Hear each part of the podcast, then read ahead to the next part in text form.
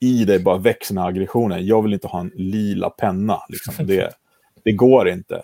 Men den ligger där och gror och till slut så kommer det explodera.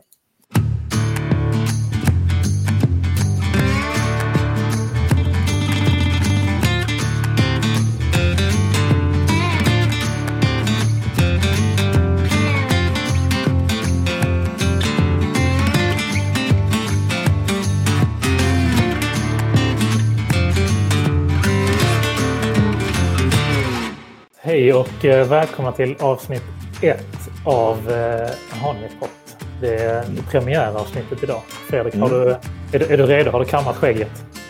Jag har kammat skägget och är redo att dela med mig av mina erfarenheter. Yes! Shit, vad grymt. Ska vi Ja. bara kort förklara vad, eh, vad är det här för podd snabbt innan vi startar? Ja, men det här är en podd där vi delar tankar, reflektioner, idéer, våra sanningar om innovation. Men inte bara det, utan vi kommer också ta vara på kommentarer, frågor, diskussioner som förhoppningsvis får få igång med de här programmen eh, som kommer ske då i, i olika plattformar där ni kan hitta det här. LinkedIn eh, säkert, Facebook säkert också. Eh, och förhoppningsvis så kommer vi också kunna bjuda in lite intressanta människor som vill vara med och prata och dela deras sanningar om det otroligt svåra ordet innovation. Precis. Och eh, vi tänkte så här att vi, eh, vi väljer väl ett, ett, ett avsnitt, eller vad ska man säga, ett ämne för varje avsnitt helt enkelt. Ja, Eh, det, och men det, jag tror det. Och ibland kanske vi till och med hinner med två, men eh, Mm. ett är väl, är väl lämpligt. Precis. Och vad, vad, eh, vad ska vi snacka om idag? Nej, men det är ett återkommande eh, eh, dilemma, ska man kunna säga det. Eh, Jag brukar inte säga problem, jag jag brukar säga oh, möjligheter. Men i det här fallet så är det väl mer av ett problem kanske. Nej, men det handlar om så här, hur får man eh, folk att delta och hur, hur undviker man att alfahen tar över sådana här workshops eller möten etc. etc. Jag tror att alla känner igen sig och ibland så kanske man, om man ska vara helt eh, självkritisk, själv är den personen. Man kommer in med massa engagemang och man, det är lätt att köra över andra. Så hur, hur får man då den här balansen att, eh, att, eh, mellan gasa och bromsa, helt enkelt? Mm, precis. Eh, Men först och främst det här med, alltså jag tänker på det här med workshops. mm. Vad, vad är liksom, om, om vi blickar bort liksom från det här med den, den världen vi nu har, har hamnat i, där alla helt plötsligt är remote. Om, om vi blickar tillbaka och Mm. tänker på den klassiska workshopen, vad, vad, vad, vad tänker du på då för typ av... Nej, men tyvärr så är det ju så ehm, att eh, just ordet workshop eh, klingar ju lite dåligt för många människor. Mm. Eh, det är lite kräks i munnen. Eh, Mm. För att man har varit med om dem så många gånger. Eh, och är de dåligt förberedda? Är de dåligt ledda? Eh, har vi den här alfahen som tar plats och kanske pratar om samma saker som den personen alltid gör i de här mötena eller workshopen, då brukar resultatet tyvärr bli en pappersrulle med post-its på i nedersta byrålådan. Mm. Eller hurtsen som det heter när man är på jobbet. Exakt. Eh, och det, det, är, det är ett problem faktiskt för oss som jobbar. Jag jobbar ju med att göra sådana här workshops och, och jag kallar ju dem sprintar, ja, liksom just för att de också är snabba såklart och det är ett format sådär. Men också för att försöka ta bort det där med, med eh, eh, stigmatiseringen kring workshop-formatet. Men vad, alltså någonting som jag tänker på eh, spontant med det här det är att jag, alltså jag har ju suttit på, jag vet inte, jag kan inte ens räkna hur många workshops jag har suttit på genom, Mm. genom åren där har, man har hamnat i exakt den situationen som du pratar om. Man, Mm. man är, man, alla sitter och gapar och, och eh, snackar i mun på varandra lite grann. Ofta så är det en person som har lite mer vilja, lite mer eh, eh, snackighet i sig. Som, Ja. som hela tiden vill, vill höras och kanske, och kanske välvilligt vill driva den framåt också. Ja. Men, men det skapar ju utmaningar det också. Vad, eh, vad, vad har vi liksom vad har vi för utmaningar i det, i, i det remota? För jag tänker att det är problemet som har uppstått lite grann nu, upplever jag, det är att det, det har inte hänt speciellt mycket alls eh, Mm. i, den här, i den här växlingen. Utan man försöker egentligen bara översätta den fysiska världen till den digitala. Alltså, och så gör man samma misstag där som man gjorde i, Absolut. Och jag, jag tror så att eh, eh, den blir ju tydligare på något sätt när den är digital. För det som jag kan ha gillat med många digitala sessions som jag har kört under, under 2020, då, nu är vi inne på 2021, mm. men det är ju liksom att eh, jag som jobbar som facilitator eh, kan tycka att möten, eh, vissa har blivit bättre för att de är mer strukturerade, om du förstår vad jag menar. Det, är mm. liksom, det blir inte samma kaos. Det är lättare kanske att vara lite fyrkantigare om det, med ordning och sådana saker mm. Än vad det kan vara i ett rum. Så, så det kan jag tycka att, eh, men samtidigt som du säger att de som var dåliga innan har ju blivit ännu sämre. Mm. För att det finns ju verkligen in, ingenting att gömma sig bakom när det blir liksom mm. tyst i etern. Då är det tyst så att säga. Nej, det är också så strukturet kring, alltså strukturen och upplägget känner jag till, till mångt och mycket. För man kan ju inte bara, bara för att man är i den digitala världen så kan man inte bara gå in och muta folk liksom, om de snackar för mycket. Nej. Det handlar om att sätta, sätta liksom ramarna och förväntningarna rätt för, för deltagandet redan från start kanske. Absolut, och sen så är det ju det här med hur folks vardag ser ut. Jag ska inte, jag ska inte klandra någon, för det finns en verklighet där ute som man måste respektera också. Men min erfarenhet är ju högre upp i hierarkin man kommer, mm. ju mindre förberedda är personer på möten till exempel. Det, mm. Om det är någon som slantrar in sent och via mobilen då när man har uttryckligt skrivit att använd inte mobilen i möten, det är oftast någon ganska högt uppsatt som mm. springer mellan möten och har en vardag som den jogla, jonglerar med, absolut, det får man ha respekt för. Men det är inte schysst. Liksom. Um, och där som facilitator, om jag då är anställd eh, och dessutom driver ett möte eller en workshop online då med mina kollegor så är det en lite utsatt situation. För man har de här inbyggda respekt. Man ska ha respekt för varandra såklart, men det, det är en, en, ibland är det en, liksom en respekt som bygger på, ehm, eh, jag menar, inte alltid logiska grunder om du förstår vad jag menar. Mm. Eh, för regel nummer ett som jag har som facilitator, det är liksom så här, jag är inte där för att bli vän med dem som jag faciliterar. Jag är där för att jag ska se till att vi får saker och ting gjort. Mm. Eh, och det tycker jag är en ganska bra grundregel. Det kan ju låta så hårt och störigt, men, men det är ju så att man anställer, eller anlitar mig för att jag ska hjälpa till att uträtta något och inte att jag ska vara så här tjenis, tjenis. Sen så tycker jag det är väldigt trevligt med en human facilitator såklart som är, mm. bryr sig och lyssnar och sånt. Men det, det behövs att vara lite firm, som det heter på engelska. Ja, jag håller med dig. Samtidigt så, så upplever jag också att, att eh, alltså stämningen i gruppen eh, kan, kan också liksom lite make it or break it, alltså i, för att sätta så tonen och förutsättningar för deltagandet. Ja. Jo. Um, Nej, men en, en, en, en, en bra mötesstruktur innan man sätter igång så att alla mm. vet varför de är där. Det är ju liksom nyckeln såklart. Mm. Och där finns det massa bra tips och tricks. Min favorit är något som heter IDO Art som mm. står för Intention, Desired Outcome, Uh, I do uh, uh, desired outcomes, precis. Uh, agenda, roles, rules, responsibilities och time. Mm. Man kan googla det. I do art. Med mm. två R. Med två R, um, Och det är en sån mötesstruktur. Med två R, ja, precis. Och det, mm. det, är en sån, fyller man i den och skickar till folk, då förstår man varför man är där. Det är, mm. liksom, det är ett jättebra trick. Sen så är det ju så, eftersom jag har ju varit yrkesverksam i ja, 24 år nu, är nästan liksom gubbe. Så är det så att jag vet ju också hur många gånger jag har sprungit från ena mötet till det andra. Liksom. Och jag har inte hunnit. Liksom. Så min nyckel när jag faciliterar, oavsett om det är möten eller om det är workshops eller vad det är, det är att alltid börja individuellt. Ta fem minuter, gärna tio om man kan, beroende på vad man ska göra. Mm fem minuter att reflektera. Varför är jag här? Skriva ner lite grann så här, själv tyst i rummet. Mm. Och det som det gör, det är att alla får en utgångspunkt. Att ha någonting att bidra med. För att det är också så här att hur många gånger har man inte varit på möten där man inte ens vet varför man är där? Liksom, mm. Nästan. Och man säger ingenting. Det är, det är två personer som har ett möte och så, så sitter åtta och tittar på. Det händer ju ganska vanligt. Jag sitter ofta och tittar på Facebook. ja, men det är mer nu för tiden. Men, men förr i tiden när inte ens det fanns så var det ännu värre. Då satt folk och stirrade in i väggen. Men, eh, men så det tycker jag är, det är verkligen nyckeln för mig, att börja individuellt så man liksom får tid att reflektera. Det är, ett, det är ett dagens tips skulle jag säga. Mm. Att, vänta, att, jag, att jag drar Facebook som referens tyder också på att jag har passerat en viss, eh, en viss ålder. Mm. Jag tror inte att det är Facebook som gäller längre. Nej, precis. Det är, det är andra medierna.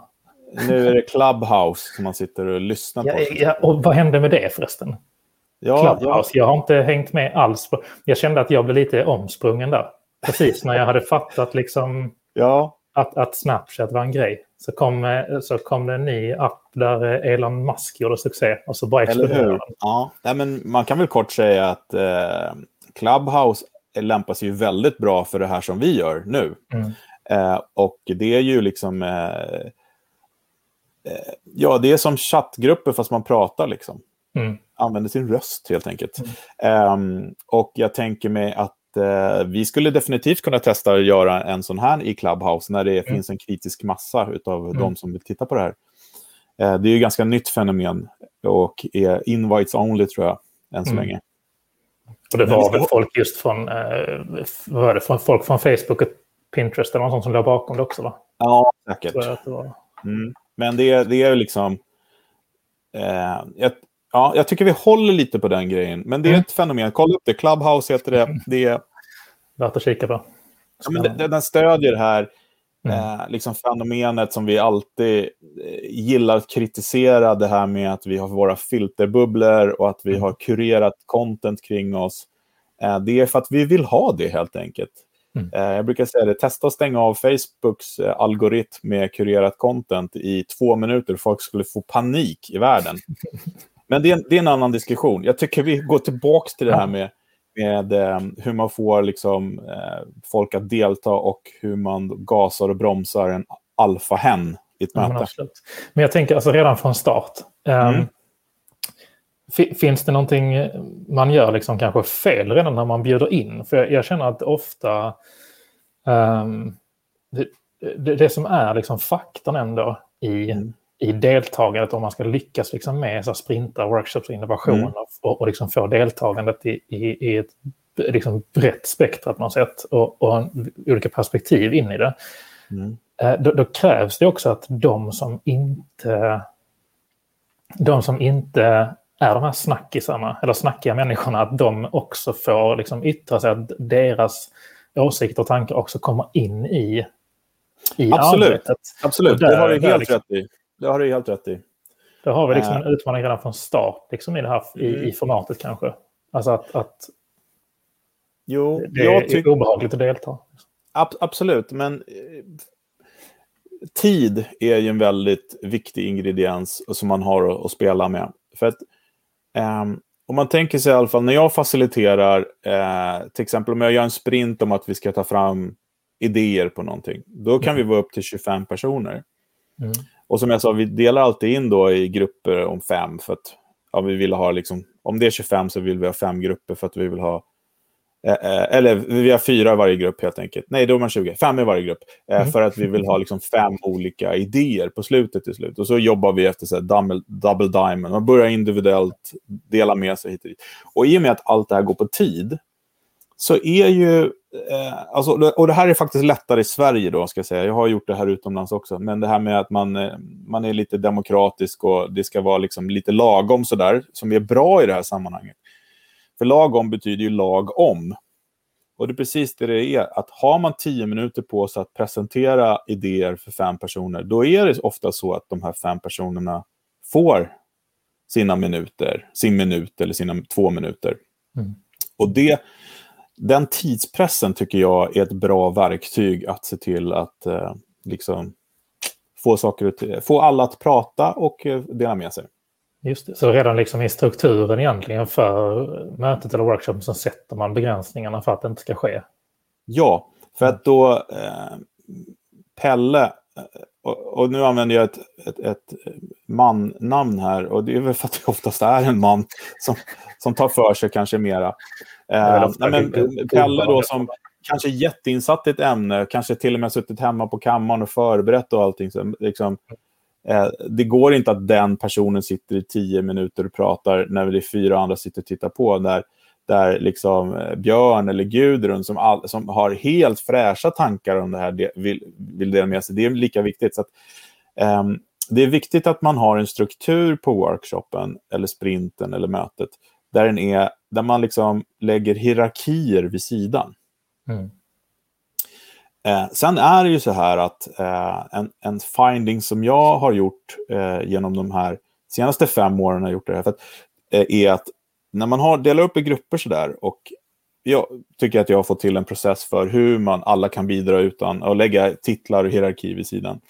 Så är det alltid så eh, att eh, gruppen där ja, den högsta chefen så att säga är med i, eller vdn eller mm. vad det nu kan den, ja, är oftast lite långsammare än andra grupper. Och då trodde jag ganska länge att det hade att göra med att man kanske ja, men man har lite respekt, så här, kanske hit och dit. Så här. Men, men det är tvärtom faktiskt, för att oftast är det att folk, folk passar på nu när vi lägger titlarna vid sidan och, kö och köra på och hit och dit. Så det är inte det. Utan det som det är, som jag har kommit fram till, det är att den här personen har ett större helikoptervy över vad lösningarna ska ta vägen, om du förstår vad jag menar. För att är man vd på ett bolag eh, så, så, så, bör man ju, eller ska man ju ha, ha ett mer holistisk koll på verksamheten. Mm. Och då blir det också mera holistiska lösningar när den personen tar fram idéer. Och eftersom de är mer holistiska så är de också lite mer komplexa. Så därför tar det lite längre tid. Mm. Men finns det, finns det begränsningar i det, att det inte blir liksom konkret? Eller vad, vad har du upplevt? Att det... eh, när, man, när man sätter eh, tidsbegränsningar? Ja. Nej. Utan in, inte i den processen som jag gör. För min process handlar mycket om att jag vill ha kvantitet först för att sen hitta kvalitet. Mm. Och de där kvantiteten, det, det man går tillbaka hela tiden. Det är som att Eh, jo, men tänk dig att du åker till en, eh, en vanlig svensk sjö och ska mm. fiska. Mm. Mm. Du kan stå där ganska länge och hålla på och kasta. Och så på andra sidan vägen så ligger en sån här, en, en, en likadan sjö med en implanterad regnbågsforell. Liksom. Mm. Eh, det är lite så att man vill fylla den där sjön med yngel så fort som möjligt för att du sen ska börja kunna fiska i den. Ja. Eh, och eh, har du har du 100 000 yngel i ena sjön och två i den andra, då är det klart att är lättare att få napp på den med 100 000. Och det är mm. precis det som det här går ut på. Man behöver kvantitet och sen så kommer det, de här idéerna liksom tillsammans bli eh, något större helt enkelt. Mm. Men det är, en, alltså det är en skitprovocerande tanke för ganska många. Jag, jag missionerar jättemycket om det här med att, med att eh, för att nå kvalitet så behöver man ofta kvantitet. Mm. Um, och i, inte minst liksom i ingenjörs-Sverige, mm. uh, så kan det vara ganska provocerande oh, ja. att säga. Uh, men, men jag vill verkligen slå ett slag extra för det, för att det är det som, det som är utmaningen i min, i min erfarenhet, det är just att man sitter och uh, man sitter och håller på tankar, man sitter och håller på kreativitet mm. fram tills man tycker att den är perfekt. Mm. och det skapar otroliga begränsningar i Ja, verkligen. I skapandet. Men, men du trycker också på ett annat, en annan utmaning eh, som är, blir oftast ett problem. Det är det här med att eh, de här olika kompetenserna anser att de på något sätt äger begreppet innovation. Mm. Um, och, och liksom, ja men gubbarna i vita rockar. Mm. Det är de som innoverar helt enkelt. Mm.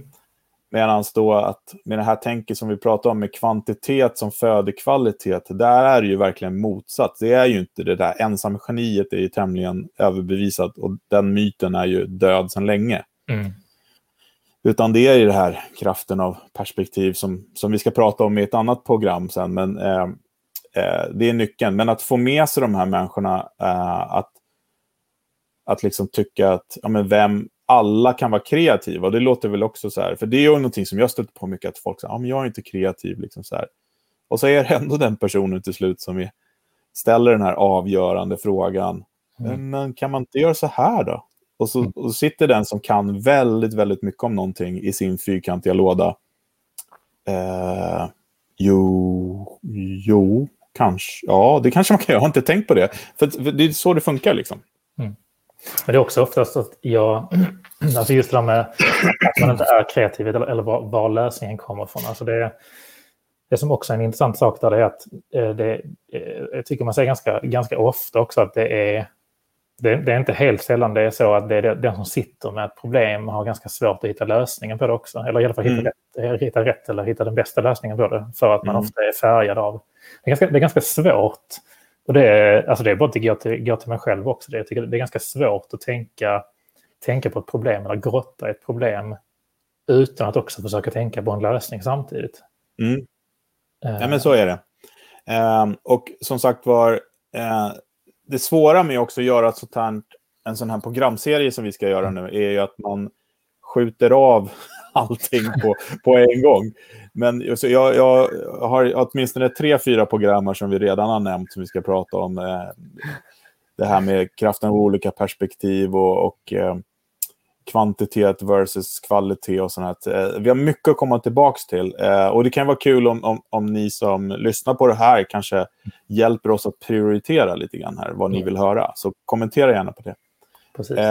Men jag tänker mig också det här med, med alfahen eh, och hur man liksom får alla att vara med.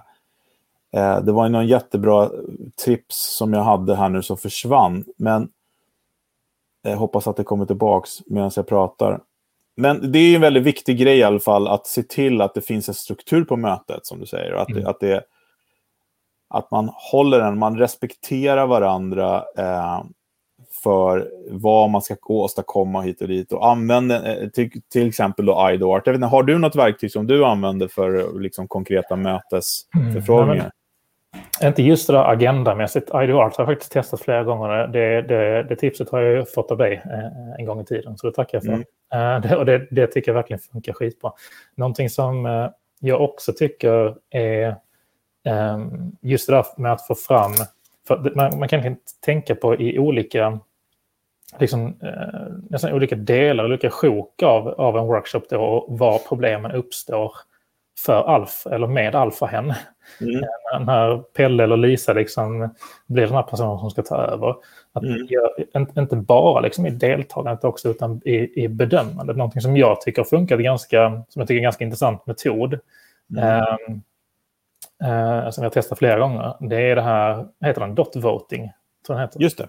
Ja. Alltså man får egentligen, varje person får eh, fem prickar eh, Ja. i, i varsin färg. Eh, och sen så får man sätta så, hur många prickar man vill. Man får använda de här fem prickarna, man får sätta Mm. hur många prickar man vill på de liksom, eh, tankarna eller idéerna eller Ja. eh, lapparna eh, Mm. som- som man helt enkelt röstar på eller vill, vill lyfta upp. Och det tycker jag också skapar en viss typ av... Eh, eh, eh, men det, det skapar lite grann den dem, demokratin i rummet också. Mm. Och där, där eh, ska jag dela med mig av en, en erfarenhet, en reflektion. är ju att jag har ju sysslat med, med, med just dot voting väldigt, väldigt länge. Mm. Eh, Och har det som en del i processen. Ehm, tycker det är fantastiskt.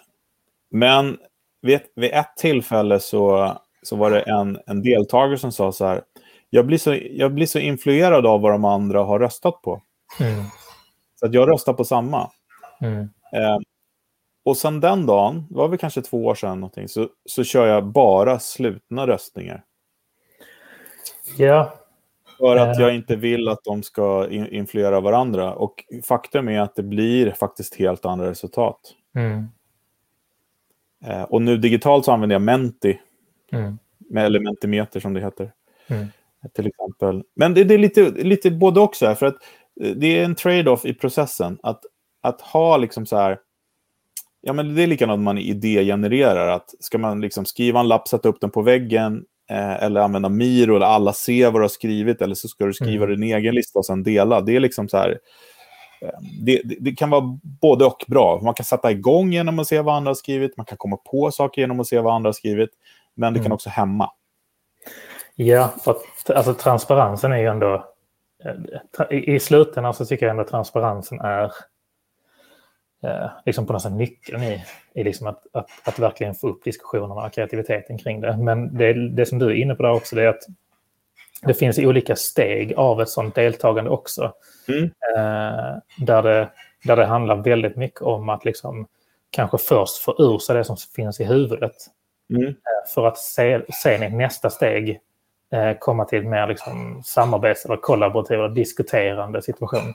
Absolut. Och, och, och, där finns det liksom den här influerande funktionen. Och där ännu en gång så blir det det här med, med, med alfahen som ställer till det.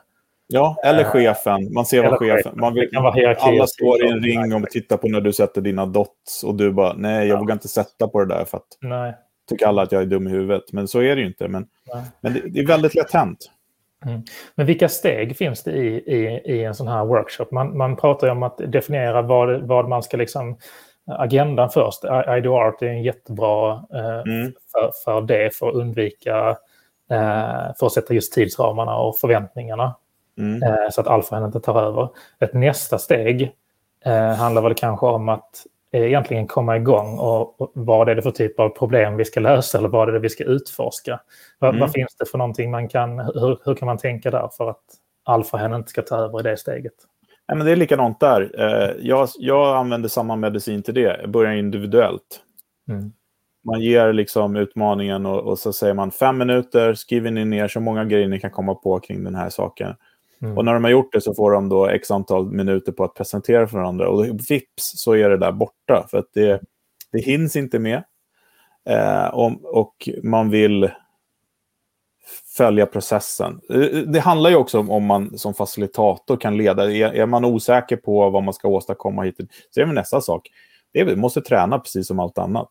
Mm. Eh, ser lätt, lätt på papper. Jag håller en kurs på Berg som heter eh, Leda innovationsprocesser. Den mm. är två dagar och det är klart att man lär sig inte allt på två dagar, men du får inblick, du får testa, du får prova på, du får liksom lite kött på benen, men sen måste du öva. Det är precis som mm. som allt annat. Men en grej som... Eh, så att, och jag tycker att den här kreativa processen, vi måste ta den i ett annat avsnitt. För det mm. kräver sitt egna av, avsnitt, mm, mm. tycker jag. Men och, och tillbaks lite då, om man ska dra tillbaka, att vi fortfarande är där att vi ska... Vi, vi har planerat vårt möte, vi ska, ha, vi ska precis ha vårt möte nu eh, mm. och vi vill undvika det här. Då, jag har använt mig ganska mycket av någonting som jag lärt mig på Hyper Island. För Hyper Island är väldigt duktiga på att göra såna här kringövningar kring liksom det här praktiska arbetet också. Mm. Och då finns det en övning som heter Stinky Fish. Har du hört talas om den? Nej. Stinky Fish är ju en, en, en enkel övning. För att Stinky Fish symboliserar då det här att har du någonting som... Eh, liksom, har du en fisk som ligger länge Alltså, det vill säga någonting som inte är bra som ligger och gror. Så till slut så börjar den lukta väldigt, väldigt illa. Liksom. Och ju längre den ligger, ju mer illa luktar den. Och det handlar egentligen om att adressera tidigt så här, ja men vad ser du för, vad, vad, vad ser du för farhågor med det här? Mm. Och den kan appliceras på en produkt. Vi kan säga så här, ja men titta på den här pennan, vad, vad, vad är, vad är stinky fishen med den? Så, mm. och, och du, du har sett, vi, jag har visat den här på tio möten nu och du, i dig bara växer den här aggressionen. Jag vill inte ha en lila penna. Liksom. Det, det går inte. Men den ligger där och gror och till slut så kommer det explodera. Mm. Och då använder jag eh, Stinkerfish oftast när jag gör workshops. Inte på möten lika mycket, men ibland i styrelsemöten och sånt kan jag göra det på. Eh, då säger jag så här, okej, okay, fem minuter, Skriv ner vad ni ser att ni har för farhågor med den här workshopen. Mm. Säger Och beroende på vilken publik så ber de också rita en fisk först som de skriver texten i. Eh, för det, det, det, det, blir något förlösande, det blir lite mer lekfullt och sådär. Eh, tyvärr är det inte alla situationer där folk vill rita fiskar, men oftast går det. Mm. Då ritar man en fisk och sen så skriver man i och sen får man läsa upp den. Och då är det ju liksom så här, en del skriver att ja, jag är rädd att det här bara ska bli ytterligare en workshop. Mm. Jag är stressad för jag väntar på samtal. Uh, jag gjorde den här till exempel när jag var med TUI eh, i Berlin, var vi väl, eller någon annan tysk stad, jag kommer inte ihåg. Precis när coronan bröt ut och vi hade eh, 30-40 personer från alla delar av världen. Och mm. folk var jätteoroliga för sina familjer, hur de själva skulle komma hem. Liksom. Mm. Eh, så Stinkerfish handlade mycket om det. Men, men det var ju också ett, ett, ett, ett så, så, kallat potentiellt hinder för att vi skulle jobba då i två dagar med en workshop. Och det fina är att det här som kommer fram då, för det första så får man säga så här att ja, men jag, jag känner mig omotiverad eller jag känner mig inte att jag är kreativ, jag känner att jag inte kan bidra eller det här kommer bara bli liksom precis som förra, det kommer inte hända någonting. Mm. Då sätter jag upp dem där på väggen. Och sen så säger jag då att okej, okay, nu ska vi se till att det inte blir så här. Och du som är orolig för din familj, om det nu är något sånt. Mm. Du ser till att du går och ringer och kollar det, liksom, när du behöver det. Och sen så fort jag ser att det börjar bli friktion, så har det oftast med de där grejerna på väggen att göra. Och då går jag tillbaka och pekar direkt så här, hörni, eh, den här diskussionen eh, håller på att ta ett spår som gör att det här eventuellt kan bli en sån här workshop som inte kommer leda någonstans. Se till mm. att den inte gör det. Mm. Och det, det, funkar väldigt, väldigt bra. Så det är det också handlar, ett dagens tips. Ja, verkligen. Men det handlar om att våga, våga styra tillbaka till den också som facilitator. Ja, och sen så oftast då efter en, jag brukar göra mycket så här halvdag, endags eller tvådagars. Då mm. går jag tillbaka sen där på slutet sen. Okej, okay, gör en liten utvärdering. Vad tyckte du om det här då? Vart det en sån här workshop där vi inte kom fram till något? Bara, bara, nej, det blev det ju inte. Nej, bra, då tar vi ner den. Hur var det med det här då? Uh, ja, kanske lite. Ja, men vi låter den sitta kvar då. Liksom. För att det här får ju man ta med sig. Alltså, man kan kanske inte alltid leverera på allt, men, men oftast så tömmer jag den där väggen och folk går därifrån med en ganska så här, ja men fan det här varit bra liksom. Mm. Så att eh, det är någonting jag rekommenderar. Vad är, vad är den värsta farhågan du har stött på? Eh, nej men det är väl just den där, det är ganska stående för den brukar komma, men att någon är där som är helt omotiverad och bara känner att det här kommer bara bli en, en bortkastad dag i mitt liv. Mm. För så känner folk ibland. Ja. Så känner, liksom, har man stångat huvudet i väggen med någonting många gånger eller man är stressad eller någonting sådär så... Ja. Mm. Eh, ja men det är klart att man kan bli paff. Och, och men jag, jag använder ju det också åt andra hållet. För att om man inte får ut det där då så kommer det ju komma och bita mig i svansen till slut ändå. Så att om jag läser upp de där, de läser upp grejerna och jag står där och lyssnar som facilitator och jag har som uppgift att ta dem i mål. Då är det bara så här, ja ah, men fan det här är lite tufft, liksom. det är lite uppförsbacke, men det här får jag liksom försöka greja då. Liksom. Så det blir en sporre och då har vi någonting att jobba tillsammans emot. Att, eh, för vi, vi människor är ju fantastiska på så sätt att har vi bara ett mål att jobba kring så kan vi ofta samarbeta jäkligt bra och, och ta oss dit. Mm. Eh, det är faktiskt helt eh, fantastiskt. Mm. Och det är det som också, om jag har förstått, jag läst min favoritbok The Sapiens, är precis det som skiljer oss från många andra arter på jorden. Att det är samarbetet att, mot mål. Liksom. Mm. Det är häftigt. Men behöver man, jag tänker också, behöver man känna till behöver man känna till gruppen lite grann sedan tidigare för att lyckas på bästa möjliga sätt. Jag tänker just det här med som du var inne på tidigare med att dela upp, eh, dela upp folk i femmanna-team eh, eller liknande. Liksom, eh, Vet du, det där, det där är faktiskt det är en jättebra fråga. Mm. Och jag, jag väljer att säga nej. Mm. För att det är så himla lätt att, att ha förutfattade meningar om hur, jag, hur jag ska bemöta dem då. Mm. Eh, och grejen är så att för mig personligen, eh, ja, jag tänkte säga, nu, ska inte, nu handlar inte det här på programmet om mig, men det, det handlar ju faktiskt om dig och mig och våra reflektioner och tankar. Ja, men jag är ju gammal musiker också, jag har, jag har spelat musik hela mitt liv och spelar mm. fortfarande. Eh, och jag kan säga att, att, när jag står och faciliterar en grupp för att ta fram en ny produkt eller en tjänst eller enas om en eh, affärsmodell eller vad det nu är, det är exakt samma eh, alltså, arbetssätt, metod och process som jag använder när jag står och spelar musik och vill få folk att digga eller dansa. För det handlar om att hitta de där personerna, för du kan inte connecta med alla, men det handlar om att hitta de där, de där influencersna i gruppen mm. som gör att, att uh, liksom, och i musiken så är det låten som är strukturen och processen och liksom, eh, det ska vara ett groove och de ska känna igen det hit och dit. Och, och, och liksom lyckas med. Och när man faciliterar innovationssprinter så handlar det om en struktur och liksom en annan process. Men det, så det är exakt samma sak. Så istället för att få dem att dansa så får man dem att bidra. Mm. Um, och man ser ju där ganska snabbt om man har övat att vem, liksom, den första bekräftelsen någon nickar, då, då har man den på kroken liksom, och då har man någonting att jobba med. Men, eh, men det här med psykologisk safety, att känna till gruppen och, och sånt, eh, som också eh, vi ska ha ett program Jag ska bjuda in en, en, en vän som heter Karl som, ska, som jag tycker ska vara med och prata om det. Han är väldigt duktig på mm. sånt. Det är ju också super, super viktigt, men kanske, kanske mer viktigt när man ska göra ut grejerna. Mm. Förstår jag menar.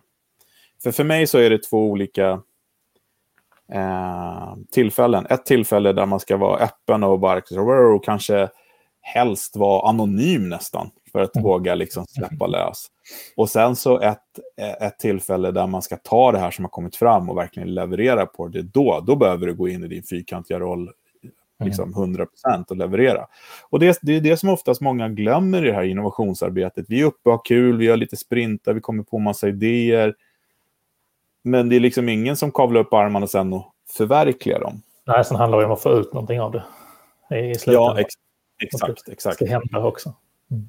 Uh, och det är väl också någonting som jag har tjatat om med mina stackars kunder på sista tiden. Uh, att, jag menar det här med att, att uh, man jobbar i silos.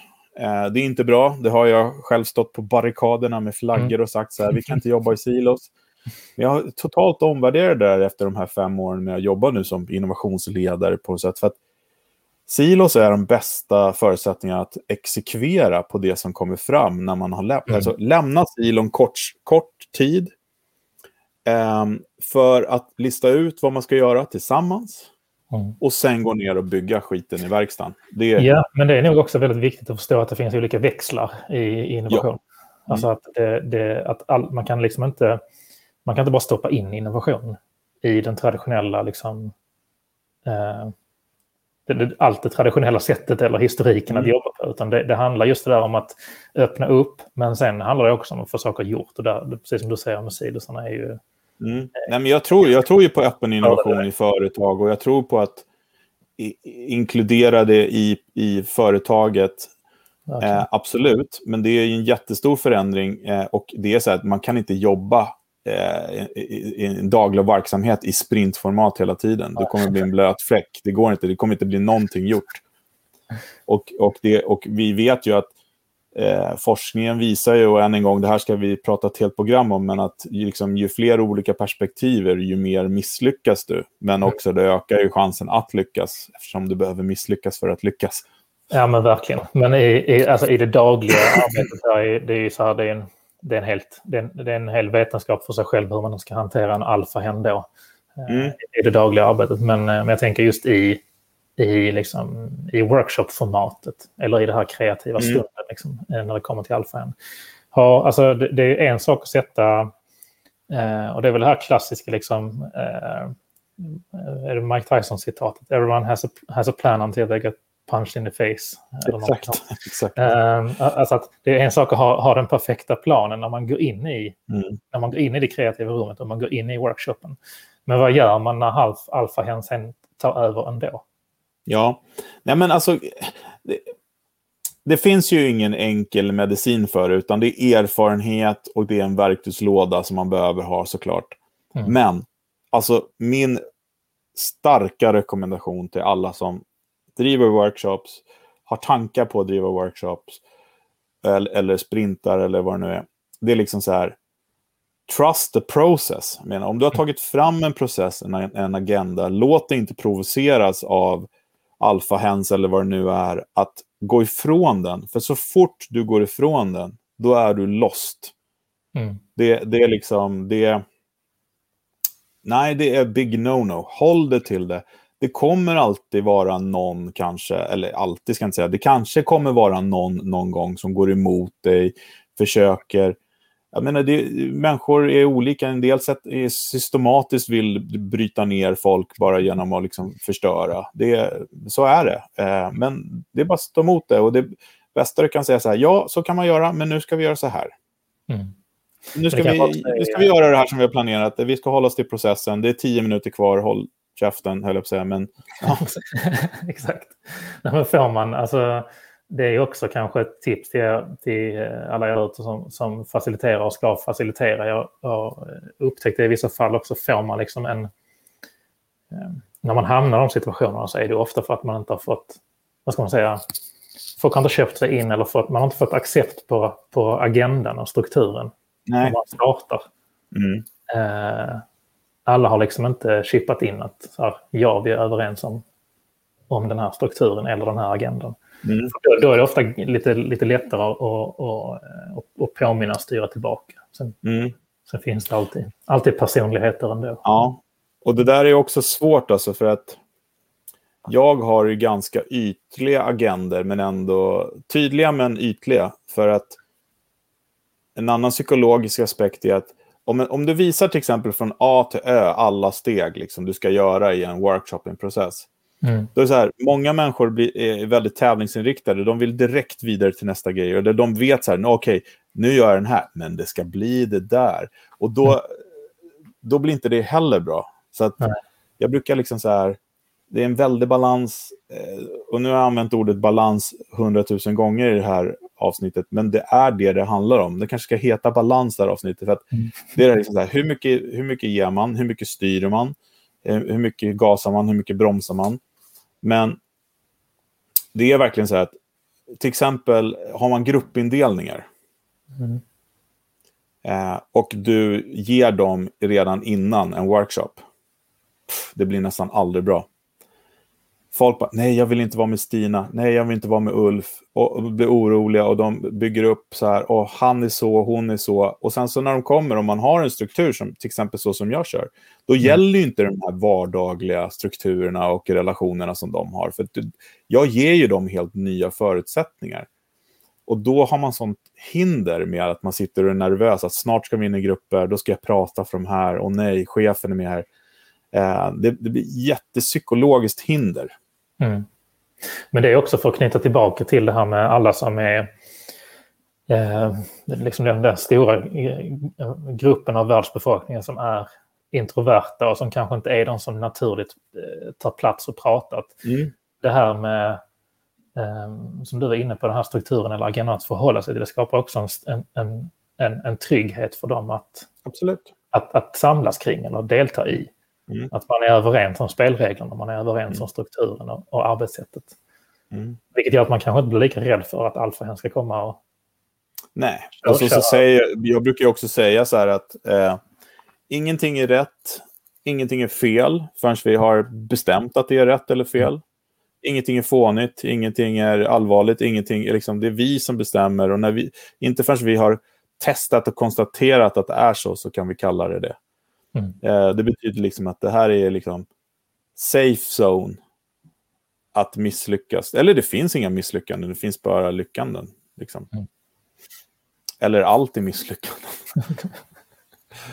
ja, nej, men det, det är ett eh, häftigt ämne. Men, men kan vi inte göra så att vi, vi rundar av den här genom att säga att ni som lyssnar på det här gärna får dela med er av era tankar. Mm. Hur gör ni? Eh, Eh, vad har ni varit med om? Eh, och sånt. Eh, länka gärna artiklar och sånt. Det finns ju så mycket av allting där ute. Och som sagt, vi ska poängtera det igen att det här är våran sanning, våra erfarenheter, våra reflektioner. Det finns många fler där ute, så att ingenting ja, är rätt och fel. Nej, precis. Och ta gärna med er era egna erfarenheter om när ni har stött på de här. Eh, ja, verkligen. Alfa-situationerna. Det skulle vara Precis. superintressant att höra hur, hur eh, ni normalt sett tacklar det här. Mm. En, an, en, en, jag ska bara avsluta med en annan grej. Absolut. Fikat och snackset på en workshop är väldigt ja. viktigt ibland.